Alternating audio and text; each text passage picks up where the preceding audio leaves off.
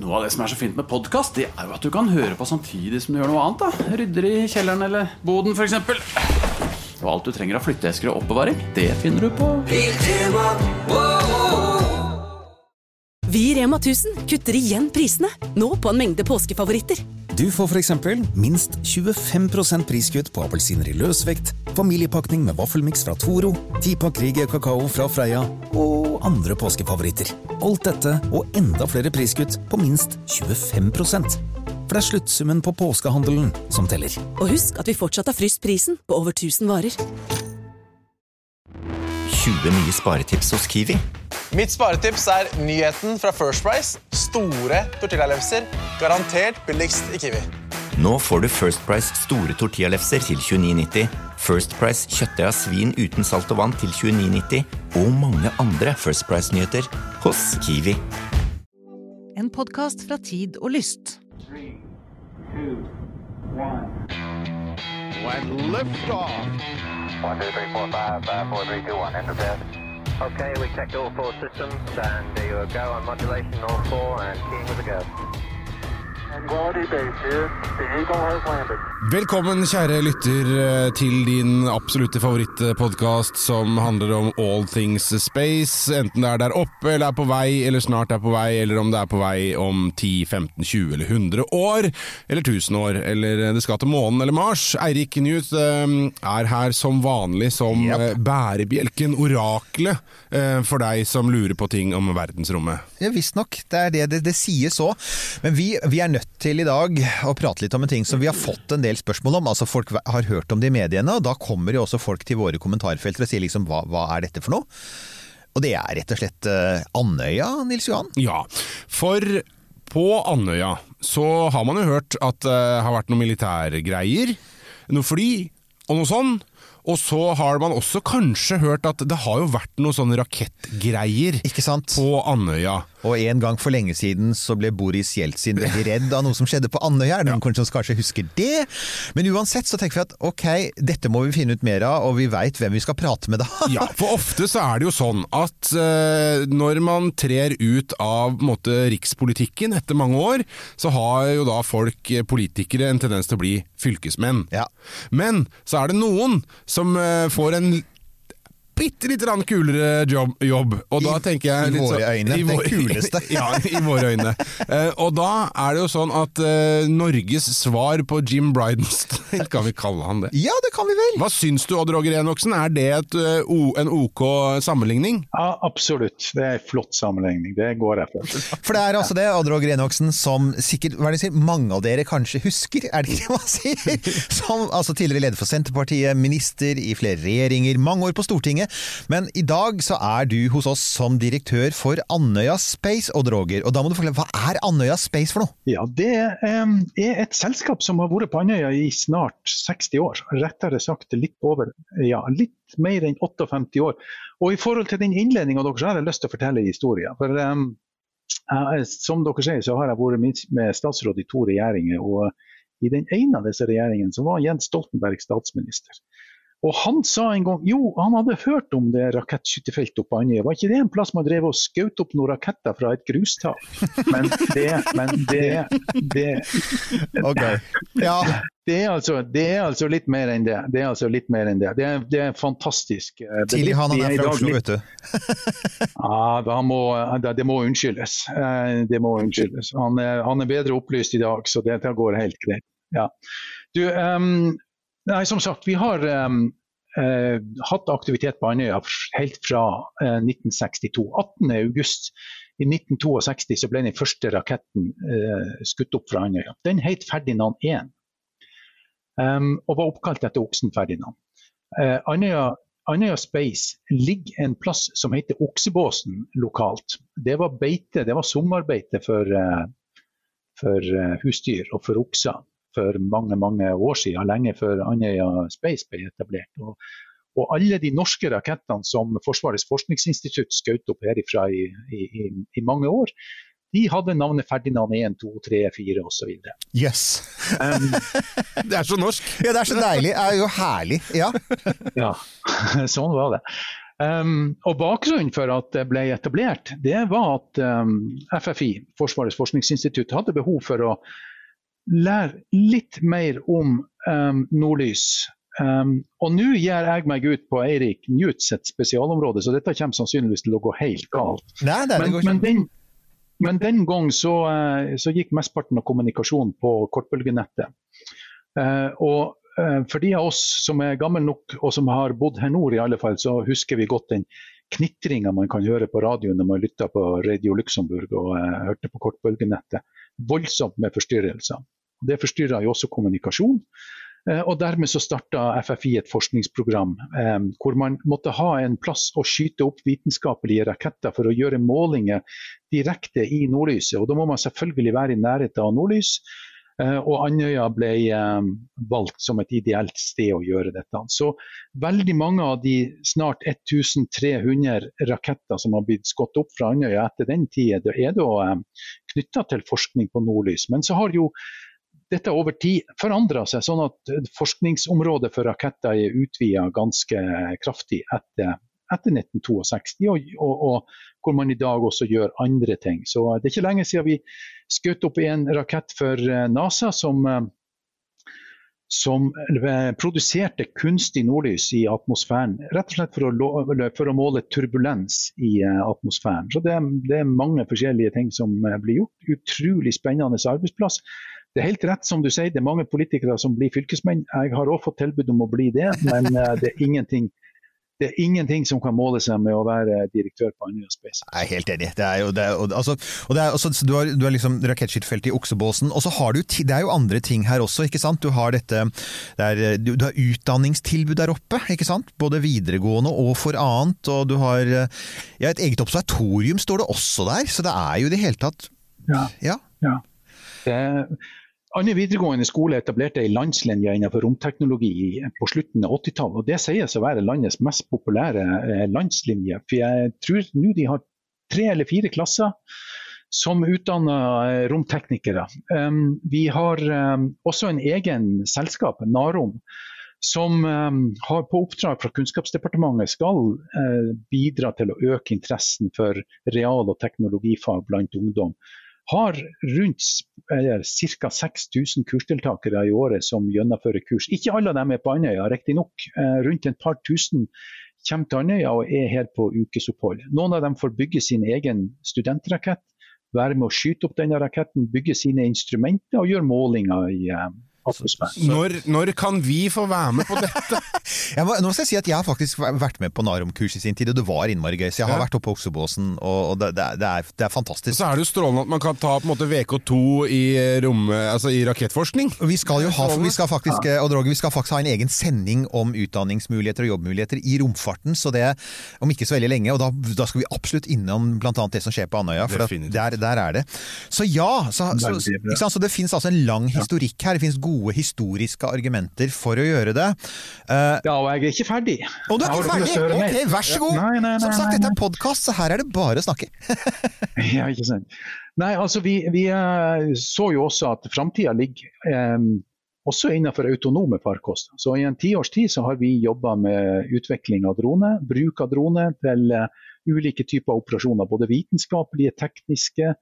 Og vi har nettopp inngått en avtale med Boeing om et eh, stort prosjekt som skal gå fem år framover. Hvor eh, formålet er å utvikle nye tjenester med autonome farkoster både til sjøs og i lufta. Vi har også en langtidskontrakt med Forsvaret. Jeg er nok Europas mest moderne testfelt for eh, testing av, av våpensystemer for Forsvaret. Så vi har nettopp hatt den tyske sjøforsvaret på besøk, som har gjennomført en stor test hos oss. Eh, Så vi er godt instrumentert, er masse flinke folk. eh, Moderne infrastruktur. Vi har nettopp flytta inn i nye lokaler for undervisningsaktiviteten vår. Så Andøya er en spennende plass for tida. Det skjer veldig mye, og det skal skje veldig mye framover. Ja, for det er jo, ikke sant, det, og, og, og det er jo en sånn ting som altså, det har vært skutt opp 1300 raketter. Og så er det sånn at alle vi som er litt opptatt av romfart vet at det å ta steget fra å skyte opp altså suborbitale raketter, skyte dem 100-200-300 km opp og så faller de ned igjen, og gå over til bane, det er et stort steg, ikke sant? Det er altså teknisk sett krevende og Ja, i det hele tatt. Det, er, eh, det åpner seg også helt nye muligheter. Så det jeg tenker er liksom sånn, Når var det man fikk den ideen om at ok, nå skal vi ta det store steget og gå fra å skyte opp i nordlyset og faktisk få det inn i jordbane, som jo er helt andre hastigheter og en helt annen skala? Ja. Um, det er jo rett som du, som du, sier at de fleste av de suborbitale rakettene går opp til 200-300 km der man finner nordlyset. Men vi, jo, vi, gjør jo ting for NASA hvor vi har Jeg tror rekorden vår er 14, litt over 1400 km. Det er bra. Og det er ganske langt ut. Når, når, når, når romstasjonen til sammenligning ligger på 350, eller hva det er, så er det, det er ganske langt. Men um, det er helt rett. Um, det er et langt steg over til noe annet, hvor vi skal uh, sette satellitter i bane. Det er vi ikke i stand til å gjøre um, per i dag, men skal bli det allerede til neste år. Første gang man utreda den muligheten, det var tilbake i 1989. Så Norsk Romsenter har faktisk vurdert dette et par ganger tidligere. Men da, da var det eh, ikke så veldig aktuelt. Og man konkluderte jo ganske raskt med at det var verken et marked det var ikke mulig å gjøre det. Altså, satellittene var kjempestore, de hadde lang levetid. Bærerakettene var store. Um, og det, det, ble rett og slett ikke noe prosjekt ut av det. Men så har det jo skjedd en revolusjon ja. de siste årene hvor satellittene er blitt mindre og mindre. Uh, de minste veier noen få kilo. Det er blitt veldig mange flere av dem. Og de bærerakettene man trenger for å få disse satellittene opp i bane er også blitt mindre. Og det er i ferd med å utvikle seg et kommersielt eh, marked. Så jeg, jo, jeg, begynte i denne jobben i 2007, etter at jeg slutta som olje- og energiminister. Og allerede året etterpå så, så, begynte vi å jobbe med å se på mulighetene for å få dette til. Så det har tatt lang tid. Um, men det er klart det er, stort, det, det er et stort prosjekt. Vi skal investere litt over en milliard. Uh, og vi skal, uh, vi skal, bygge opp en helt ny tjeneste. Det krever ny lovregulering. Så um, regjeringa holder jo nå på å jobbe med en ny romlov for å for å regulere den aktiviteten som vi skal til med f.eks. Så det er et stort apparat som er igangsatt for at vi skal få dette til. Um, men veldig uh, sterk politisk vilje. Uh, fantastisk jobb gjort fra departementet, hvor de har støtta oss uh, hele veien. Romsenteret har bidratt. Vi har hatt god hjelp fra industrien. Så dette har vært, dette har vært et artig prosjekt å jobbe med. Men Odd Roger, eh, for den, den, årvåkne lytter, som vi regner jo selvfølgelig med at alle, alle våre, våre lyttere er årvåkne. De eh, har sikkert eh, fått med seg, og som er, de som er litt mindre årvåkne, har kanskje registrert sånn i forbifarta en artikkel som sto i eh, en av landets største aviser nylig, om at bildet av en eh, strålende fornøyd Odd Roger Enoksen, som har fått 360 eh, millioner eller et eller annet noe fra, fra eh, regjeringen. hva er det som helt sånn konkret skal bygges, og hva er det dere må ha på plass der oppe for å skyte opp satellitter? Ja. Hvordan ser en spaceport ut, er vel egentlig det jeg tenker. Ja. ja. Eh, godt spørsmål. Hvordan skal jeg prøve å forklare det? Vi må bygge opp et helt nytt anlegg. Um, Andøya er jo en forholdsvis lita øy, og den eh, oksebåsen ligger veldig nært Andenes kommunesenteret. Uh, og, uh, og ligger beskytta bak et fjell, men relativt trangt til. Så vi må etablere oss på et helt nytt sted på Andøya, som ligger ca. 3,5 mil fra der vi er i dag og bygge opp et helt, helt ny infrastruktur. Så vi må gjøre ei utfylling eh, litt ut i sjøen. Eh, hvor vi skal lage en stor plattform med masse infrastruktur. Der er det rampe for eh, oppskyting av bæreraketten som skal ta satellitten ut i verdensrommet. Men der skal det være systemer for fylling av drivstoff. Der skal være masse, masse eh, infrastruktur og, og, og, installasjoner som trenges for å gjøre dette. Men i tillegg så skal vi jo ha både administrasjonsbygg, vi skal ha eh, eh, bygg for å teste satellitter, sammenstille rakettmotorer, få satellittene eller de satellittene om bord på raketten. Og, og, teste alt og vite at alt fungerer. Eh, og vi skal være i stand til å betjene flere kunder. Vi tar sikte på å knytte til oss tre til fire partnere som skal kunne bruke Andøya som base for oppskyting. Hvis du også har lyst til å lage podkast, så må du ta kontakt med oss i podkastbyrået Tid og Lyst. Vi holder til på Grünerløkka, har verdens hyggeligste studio, som selvfølgelig har nydelig lyd. Det kan du jo høre. De er dessuten skikkelig gode på innhold og produksjon. Send en mail til pia at tid og lyst, så snakkes vi. Men du sier som du sier her, og det er en sånn ting som jeg tror som Altså, vi, for, vi er så vant til å se dette fra USA, med at liksom man ruller ut en ferdig rakett ikke sant, til plattformen, og så skytes den opp. Sånn også fra, fra de gamle sånn romferjefilmene. Men, men, men i dette tilfellet, disse rakettene som dere skal skyte opp, de, altså, de er det sånn at de transporteres i deler, satellittene og rakettene transporteres i deler og settes sammen oppe hos dere? Er det, er det det som er tanken? Det er riktig. Det er en, en ferdig eh, rakett som vi snakker om, den vil være med, når den er fylt med drivstoff og har satellitten om bord, så vil den være nærmere 100 tonn. Oi. Og det er, lite, det er jo lite når vi sammenligner med Ariane 6 og med SpaceX sine store raketter som skal kunne ta satellitter på mange, mange, mange, mange tonn til værs. Men, men det er en ganske stor sak allikevel. Og den vil jo bli transportert i flere deler. Den vil bli eh, montert her på Andøya, satt sammen. Satellitten vil bli testa og integrert. Så det er ganske mye jobb som skal gjøres men er hver sånn oppskyting. Ja, for, for det er så lett å ikke tenke på det. Så, ja, ja, den ruller ut og skyter opp. Ja, men det er kjempe... Vi, vi vet jo at det er masse arbeid på bakrommet. Og det andre er, som, som du sier, 100 tonn. Og mesteparten av det er jo brennstoff, og rakettbrennstoff er eksplosive saker. Og da tenker jeg sånn har, har, altså jeg, jeg, jeg antar at folk på Andøya er klar over at det kommer eksplosiv...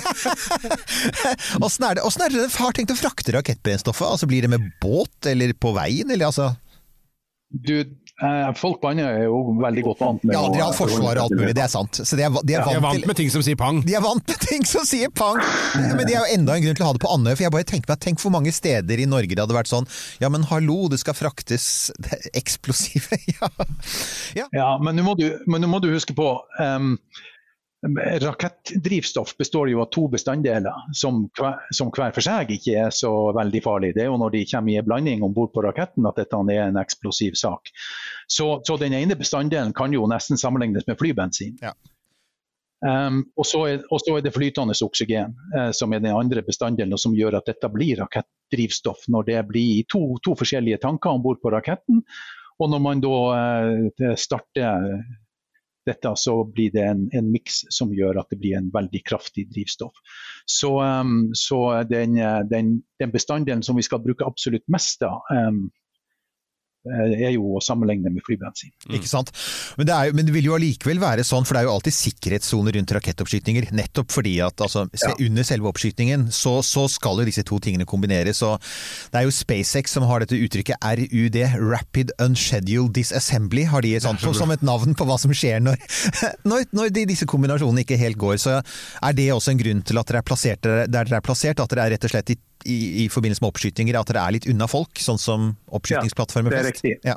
Det er riktig. Vi har funnet et sted som ligger eh, gunstig til i forhold til å nå enten polare baner eller solsykrone baner hvor vi kan skyte vestover og nordover, og ikke i nærheten av bebyggelse, hvor vi har tilstrekkelige sikkerhetssoner. Sånn at alle bygg hvor det skal befinne seg med personell under oppskyting, de vil jo være ca. 2,5 km unna selve oppskytingsrampen. Eh, Så det, og, og vi må stenge en vei for trafikk under oppskyting, bl.a., som er for nært. Så det, det, det, er jo, det er jo strenge sikkerhetsbestemmelser rundt en sånn sak som det. Jeg kjenner at jeg gledelig hadde stoppa ja, ja. For, for det, altså. Det, det hadde vært null problem. Men du, eh, vil altså det er, Når du, sa, du var litt inne på det i stad. Når skal det være klart for å skyte opp satellitter i jordbane fra Andøya?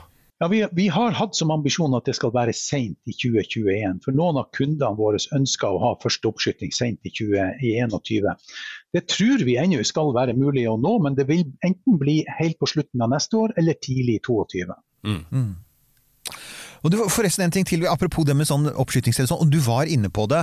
Dere skyter mot vest og nord. og da, altså Romfartsnerder vet jo at i romfarten vil man veldig gjerne skyte mot øst, for da får man litt drahjelp fra jordrotasjonen. Det kan jo ikke dere av, jeg antar av geografiske grunner, ikke sant? Altså at dere Det har du helt rett. Mm. For at, Vi kan ikke skyte østover. Og, og Det um, er jo selvfølgelig en ulempe. Jeg har fått mange spørsmål om dette, for det er mange som lurer på om det har noen betydning. Men um, i praksis har det veldig liten betydning for oss, for vi er så langt nord at uh, vi får ikke så mye uh, Altså det at vi skyter med jordrotasjonen har ikke så stor betydning som om, som om vi var med, med ekvator. Helt riktig, basic matte, folkens. Det glemte jeg jo. Det er helt sant. Jo lenger nord du kommer, jo mindre viktig blir jordrotasjonen. Og eh, det er jo grunnen til at ESA har et oppskytingsanlegg nær ekvator, for da får du liksom maksimal drahjelp. Så det er jo en fordel. Men Odd Roger, eh, sett dette eh, for oss i litt sånn internasjonalt perspektiv, da. Eh, Andøya, vi har jo snakka litt om det før her, Eirik. Eh, altså konkurransen med andre steder og Ja, Roger andre Birkeland, som, vi hadde en veldig bra sending med han, og han var også litt inne, innom det. Men ja, det er jo interessant. Det er jo et internasjonalt bilde her, Roger.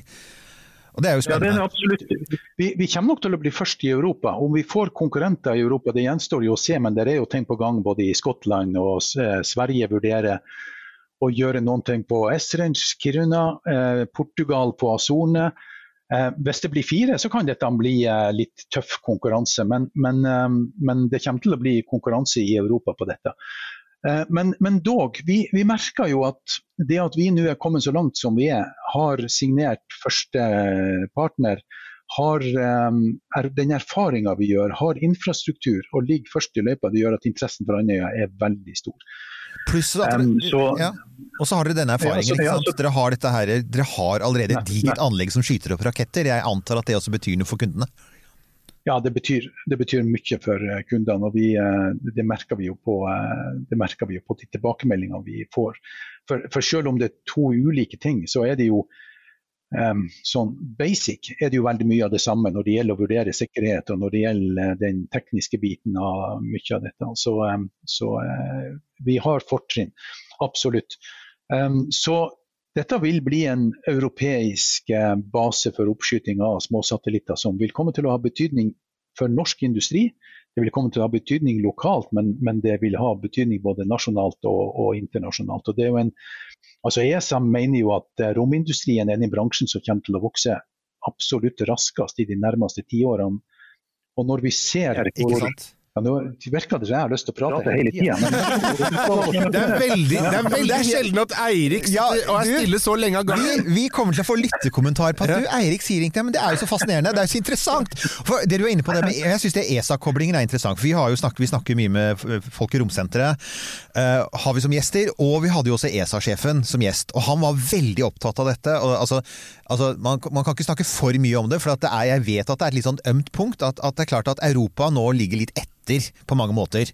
Særlig USA, uh, for der har det skjedd veldig mye. Og de ønsker å, å ta igjen, og ønsker at Europa skal få en mer prominent rolle. Og jeg, jeg så nettopp en sak om at eh, tyske myndigheter lurer på om de kanskje også skal være med på å støtte oppskytinger fra raketter i, i Nordsjøen, fra plattformer i Nordsjøen.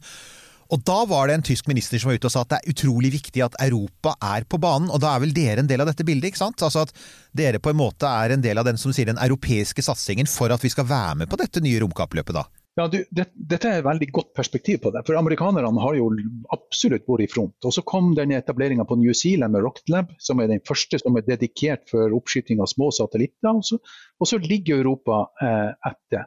Og det, og det betyr at vi em, ikke utvikler vi industrien på samme måte som andre. Ikke utvikler vi don, altså nedstrømsida og bruken av dette sånn som de andre gjør. Så det er jammen på tide at Europa våkner opp. Jeg synes jo et av, altså, Du var innom det. New Zealand det er jo, altså, New Zealand har sin egen Elon Musk, Peter Beck fra Rocket Labs. Jeg synes noe av det, altså, og han, han er litt sånn, han er litt sånn eh, Elon Musk-aktig. Her forleden dag da man lurte på om det er blitt oppdaget tegn til liv på Venus, så var han ute på Twitter, akkurat som Elon Musk er, med en gang og sa ja, men vi, skal, vi har, driver og lager en liten satellitt som vi skal sende til Venus, så hvis noen er interessert i å være med, så er det sånn wow, ok. Han, han er jo ekstremt, han er jo ekstremt eh, pågående. Jeg syns jo det morsomste med Rocket Labs er at det er New Zealand, som er et bitte lite land, ikke sant? Som oss! Altså, det er et lite land som faktisk er i ferd med å bli store på småraketter. Og Peter Beck, jeg så et intervju med han hvor han sa at en av grunnene til at de gjør det på New Zealand, er New Zealands tradisjon med å bygge skip i karbonfiber, seilbåter i karbonfiber. Han sier da har vi kompetansen vi trenger for å bygge raketter. Så tenkte jeg ah, det er så kult! Altså Du kan ta én type kompetanse, og så bare si ja, men du, nå tar vi bruker den på rommet. Det er jo akkurat det dette nye skal handle om, tenker jeg. Veldig spennende. Og uh, det er klart, be- beliggenheten til New Zealand spiller jo også inn. De ligger jo like gunstig til i sør som vi ligger nå. Ikke sant? Det ligner litt der også, sånn geografisk, ja. Men du, det var Da, men da, da tenk, Hvilke erfaringer kan du dra på da, og Roger Enoksen, som olje, tidligere olje- og energiminister, og, og, og overføre det til, til romindustrien? Men Nils Johan, det er et innmari godt spørsmål, egentlig. Så er det noe vi er, det- er liksom, så Vi har mye allerede, men er det noe sånt annet? Så, sånn, sånn, typ sånn karbonfiberseilbåter. Det må jo være noe der som vi tenker, når vi kommer i gang med dette, så plutselig sier de jo, men dette kan vi jo, fordi vi har gjort Ja.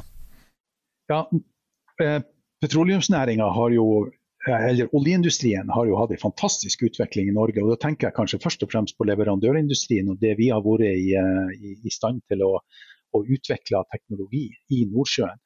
Og En dag så tar dette utvilsomt slutt. eh, Og, og mye av den næringa skal konverteres over til andre områder. Eh, Jeg er helt sikker på det er vei. Og masse ingeniører, masse flinke folk. Masse flinke folk som har vært med på store prosjekter, utvikla ny teknologi tidligere. Så jeg er helt overbevist om at det er en ganske god link mellom eh, space og eh, petroleumssida. Um, Det handler er mye om å være i ganske ugjestmilde miljøer. Ja, men Det gjør de jo, og det er jo noe av det, og det er, noe, det er helt sant. Det er noe av det spennende her også, er akkurat det at mye av dette handler om eh, ekstreme temperaturer, ekstreme værforhold. Det er også liksom verdensrommet. Jeg tenkte, det, vi så nylig så kom det en pressemelding fra dere om at dere har inngått avtale med noe som heter RFA. Hva, altså, hva er dette for noe?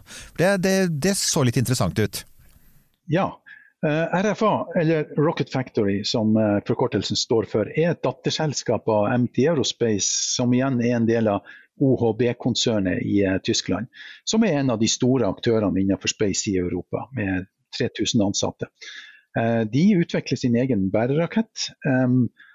Og må betraktes, det må anses for å være en av de tunge aktørene. og Mange har jo vært spent på nettopp om RFA skulle bli de første i Europa med å ha sin egen bærerakett.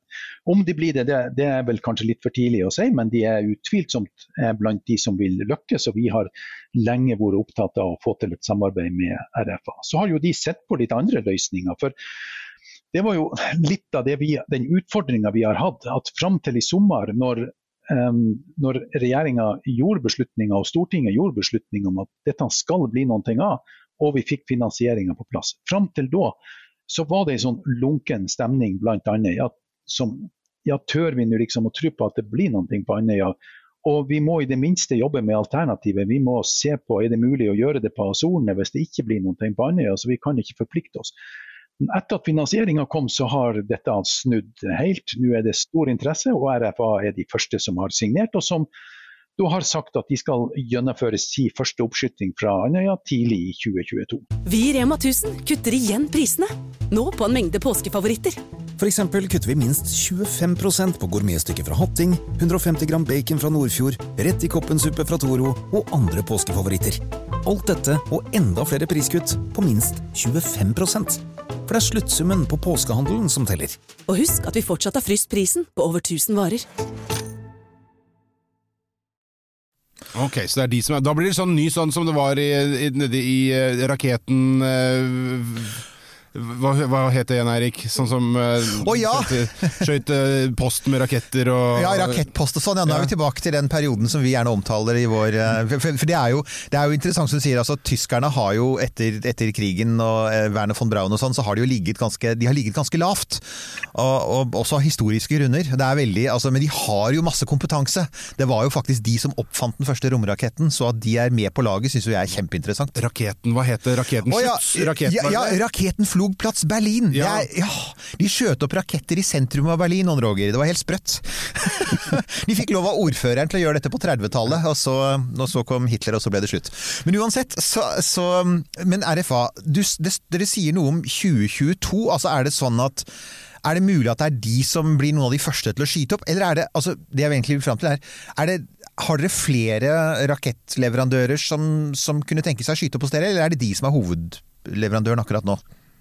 Vi har flere, men disse er de eneste som vi har gått ut offentlig med så langt. I løpet av høsten så kommer det nok til å komme flere. Oi! Så du sier du, du vet mer enn du sier, Odd Roger? Ja, det er så rart, Nils Johan. Ja, det, er ikke, det er ikke ofte det skjer, men um, Sånn er det. Ja, men det er det jo, og dessuten som du sier, altså konkurransen er jo skarp, den er jo det, og det er jo mange andre der ute som ønsker å få en bit av denne. For det, det er, altså jeg har jo sett det, tallene varierer jo en del, men det er jo mange som mener at småsatellitter kan bli en milliardindustri. Altså, og i så fall så er det og med tanke på at det ikke er så mange aktører der, og her skal vi bare kanskje gjenta igjen hvorfor er småsatellitter bra, Odd Roger? Altså, hva er det som gjør Hvorfor kan du ikke like gjerne hekte deg på en SpaceX-stor rakett og bare slenge deg med der? Hva, hva, hva, kan dere tilby som ikke SpaceX kan tilby, liksom? Ikke sant? Ja, Det vi kan tilby er jo en la oss si en dedikert oppskytingstjeneste hvor kunden får gjort dette når man ønsker, og i, til den banen som man eh, prioriterer. Er du med en stor rakett sammen med 50-60 eller 100 andre små satellitter, så må, du, så må, du, være fornøyd med det tidspunktet den raketten er full og blir skutt opp, og du må være fornøyd med din bane som det i utgangspunktet gir. Um, men, men, det er klart at det her er som kalles for rideshare eller uh, piggyback på store uh, raketter som, uh, som SpaceX, det vil komme til å være der, og Elon Musk vil være en konkurrent. Det, det, er det jo absolutt ingen tvil om. Men dette er en nisje, og en nisje som kan bli ganske stor. Mm. Mm. Apropos det, altså jeg, nå har det jo faktisk denne uka dette tas opp, så har det vært usedvanlig mye forsinkelser på Cape. Det har vært tre fire, nå er det fire rakettavlysninger i løpet av noen få dager eh, pga. værforbehold. Og Det har jo da fått veldig mange i USA til å si hva er det som gjør at liksom, russerne skyter opp i snøvær? Amerikanerne kansellerer hvis det er en sånn stor mørk sky på horisonten. Åssen blir det med dere? Altså, På Andøya har man jo Der har man røft vær. Det er korrekt, eh, og det har vi gjort ganske mye målinger på. Og vi har jo også erfaring fra snart 60 år med oppskyting av raketter. Så um, jo, det er en del vær tåles, men det er klart at det ligger begrensninger på hva som er mulig å få til. Det er, det, ingen, det er det ingen, tvil om. Det, det vil bli, dere vil også få sånne scrubs selvfølgelig når det blir, blir for røft. Men ja. jeg tenkte på det sånn, altså nettopp det når det liksom sånn uh, Men jeg, jeg, antar nettopp på grunn av at, at Andøya er såpass værutsatt at jeg antar at dere har litt andre altså, Kanskje dere ender opp med litt mer russiske kriterier for oppskyting, for å si det sånn? Nei, det, det, er jeg ikke sikker på. Men, men, det som jo også det er jo flere ting som spiller inn i dette. Det er jo først og fremst hvor vindfølsom raketten er. Og det er klart, um, uh, SpaceX, som er kanskje 15-20 meter i diameter, jeg vet ikke nøyaktig hvor stor den er, er, er tung, har en veldig treg akselerasjon i den, uh, i den tidlige fasen. Uh, de blir mer utsatt for, for vindpåvirkning enn en, en, mindre rakett. Selv om den er 100 tonn, så er den 2,5 meter i diameter.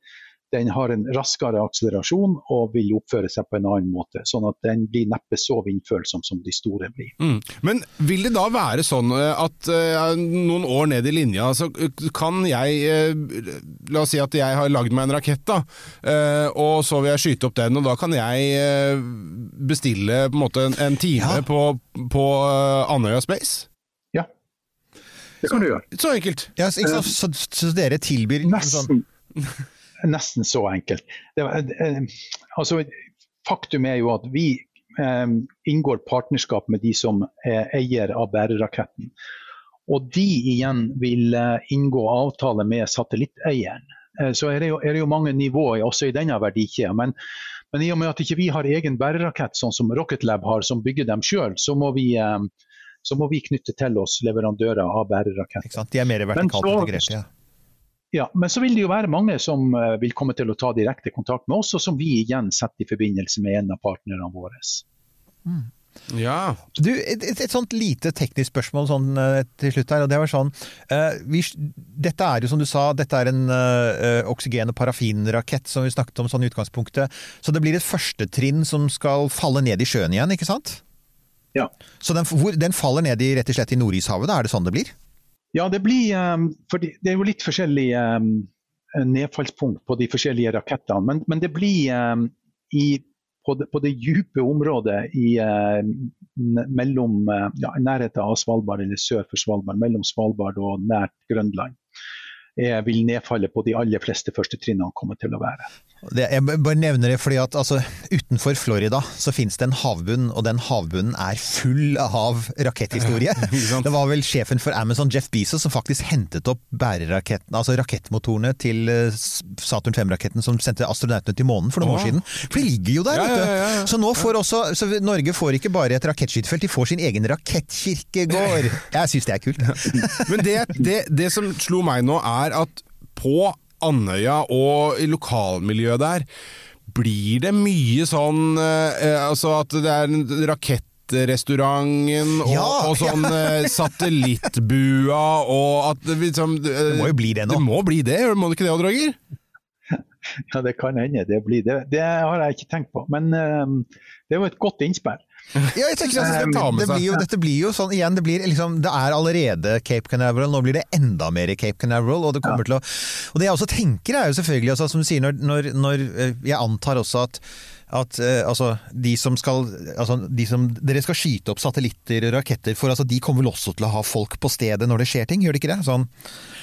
Ja. Så det blir, Eh, det, blir mye, det blir mye smarte folk fra inn- og utland som kommer til å fly inn og ut av Ja, Rika av raketten. Det tenker jeg, det, altså, det må jo komme. Her, Hermed er Det, må, forslaget det lansert. kommer nok. Ja.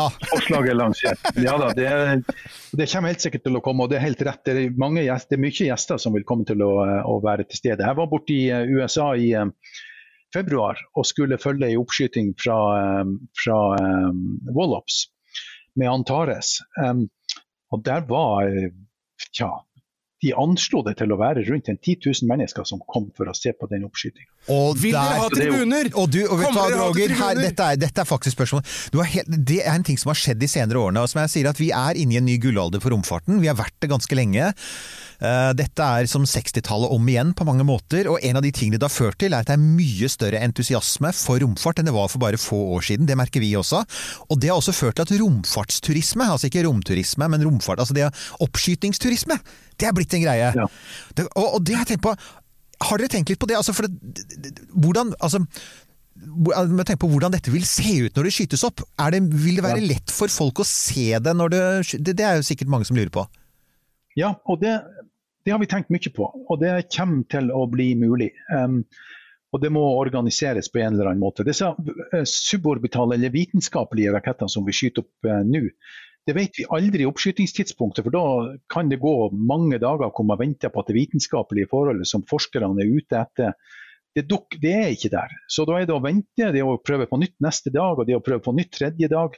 Og så plutselig dukker det opp, og da er oppskytinga gjort i løpet av en halvtime. Liksom. Sånn at eh, det er umulig å forutse.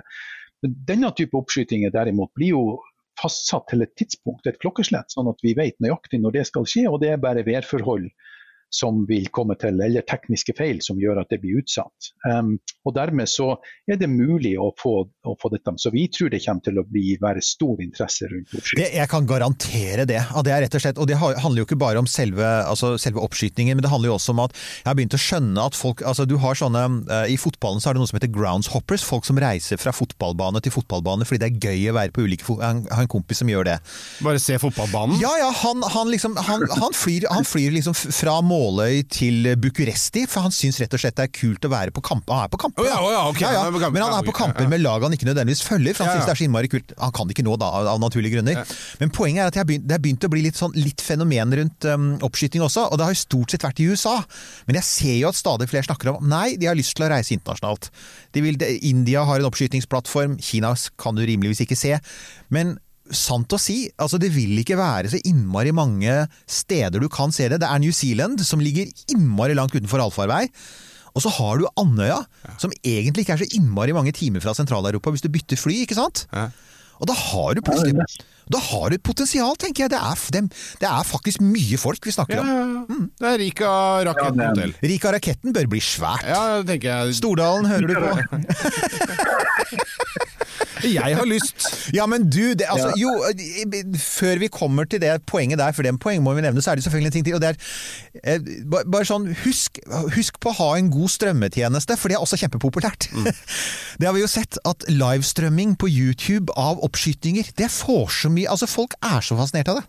Ja, jeg følger det jo sjøl. Ja, det kan Ja, nemlig! nemlig. I- Og, og hva gjorde vi her på kontoret i går, Nils Johan? Vi satt og ventet Ja, på en ventet på- Det ble en scrub, selvfølgelig, sånn som det har vært den siste uka på Cape Canaveral. Men, men ja, så, så dette sånn, sånn, få, få designet et sånt litt lekkert altså, litt sånn, SpaceX er modellen der. De gjør det på en utrolig lekker måte.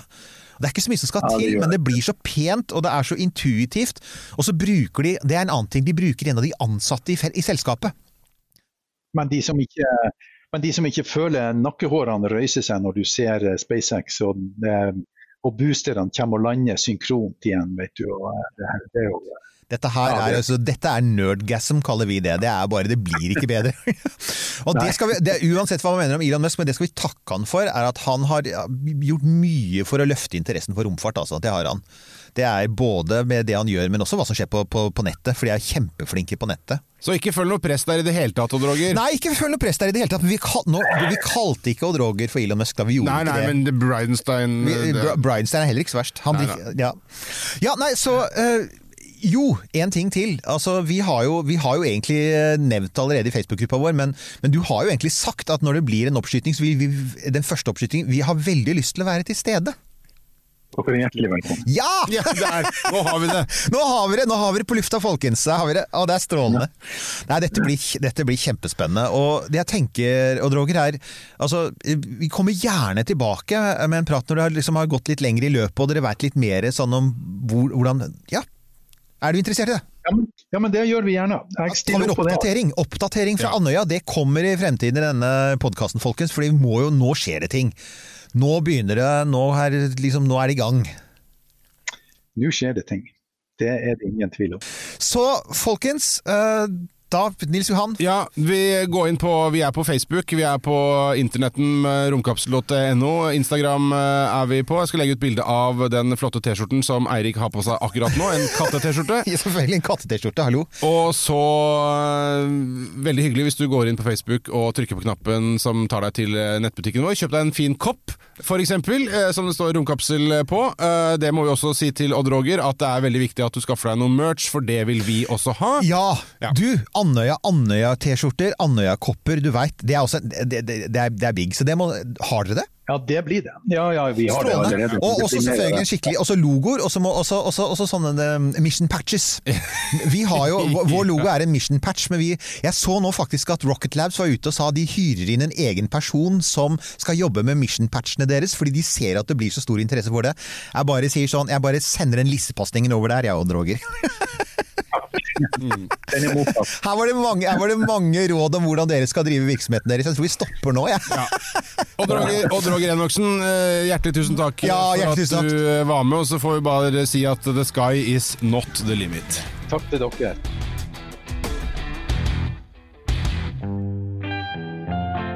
Denne Podkasten er produsert av Tid og Lyst.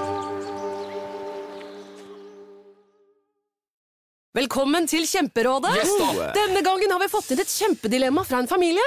Jeg leser Hei, vi er litt uenige i familien her. Mm. Hvis du skulle vært et dyr, ville du hatt gjeller eller vinger? Oi, den er tricky. Ja, Hva ville dere hatt, da? Altså, jeg vet ikke, men Med familierabatt får du ubegrenset data fra Telenor fra 399 kroner. Da kan du scrolle seg til svaret, rett og slett. Ja, ok, Men for min del Ja. gjelder. Nei, nei, Gjeller. nei, vinger. Nei, nei, Ja, gjelder. ja, Kjempebra. Men eh, se nye mobilabonnement på telenor.no, da.